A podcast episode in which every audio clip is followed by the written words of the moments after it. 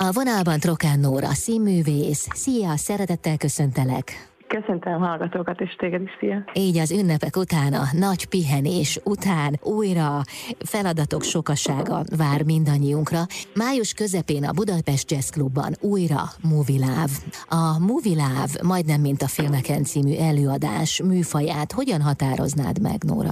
Nagyon nehéz meghatározni, mert egy kicsit olyan érzésünk van, és a, a, ez a, az előadások alatt alakult így, nem, is a próbákon, hogy egy egészen új műfaj alakult, ami egy picit picit film, picit színház, picit koncert, és közben meg a közönség száz százalékig be van vonva, nagyon-nagyon sokat kommunikálunk velük, főleg a legelején, ott van egy, egy picike ilyen felvezető rész, ahol, ahol egy tulajdonképpen azt kell mondjam, hogy egy stand kicsit a, a hangulat, tehát abszolút a közönséggel beszélgetünk is, meg kommunikálunk.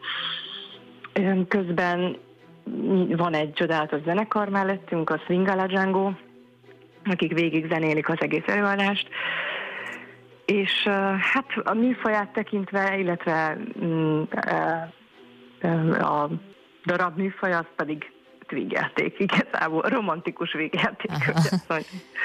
A Movie Love majdnem, mint a filmeken című előadásban népszerű film momentumokat is lehet hallani. Arról tudsz valamit mondani, hogy melyek ezek a filmek, vagy pedig pont ez a része az, ami meglepetés?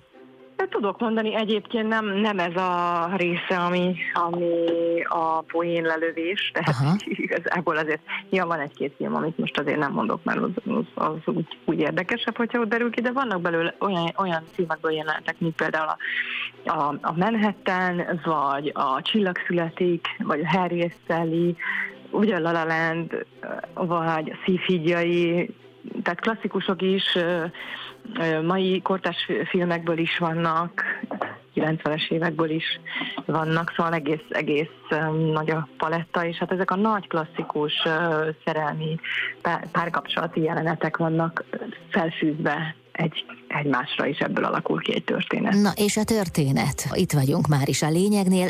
Mi van a történet fókuszában? Ez a két ember, aki két mozi dolgozó, Aha.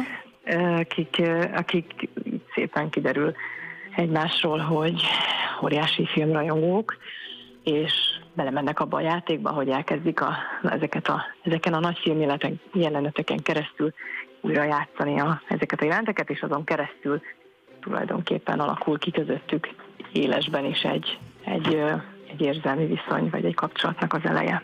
A Swingala Django-val hogyan zajlottak a próbák, hogyan hangolódtatok egymásra?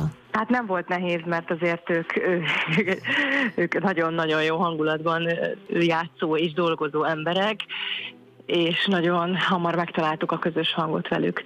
Úgyhogy nagyon szuper volt a közös munka, és hát ilyen zenészekkel dolgozni, meg aztán tényleg felemelő, mert akkor ilyen zenészek játszanak az ember alá, akkor egyrészt felelősség is, mert tényleg úgy játszanak, hogy, hogy bármelyik színpadon a világon megállnák a helyüket, sőt, és ugye az embernek hát fel kell nőni a feladathoz. a Movie Love mennyire egyensúlyoz az álom és a valóság határán? Egyensúlyoz, kérlek. Kérlek, jó. és, és ez néha meg is jelenik az előadásban, hogy néha nem tudjuk, hogy ez most, ez most ez most a játék része, vagy ez most valójában történik velük, a kettőjük viszonyában, úgyhogy ezzel a játékkal, ennek a dinamikájával végig a játék. A darab egyik főszereplője te vagy, a másik pedig Clem Viktor. A Budapest Jazz Clubban lehet veletek és a Swingala Django-val találkozni május közepén. Azt követően vannak-e terveitek? játsszuk tovább ezt a Budapest Jazz Clubban, és szeretnénk vinni az ország területére minden, minél több helyre. Mi megvárjuk szeretettel. Nagyon szépen köszönöm.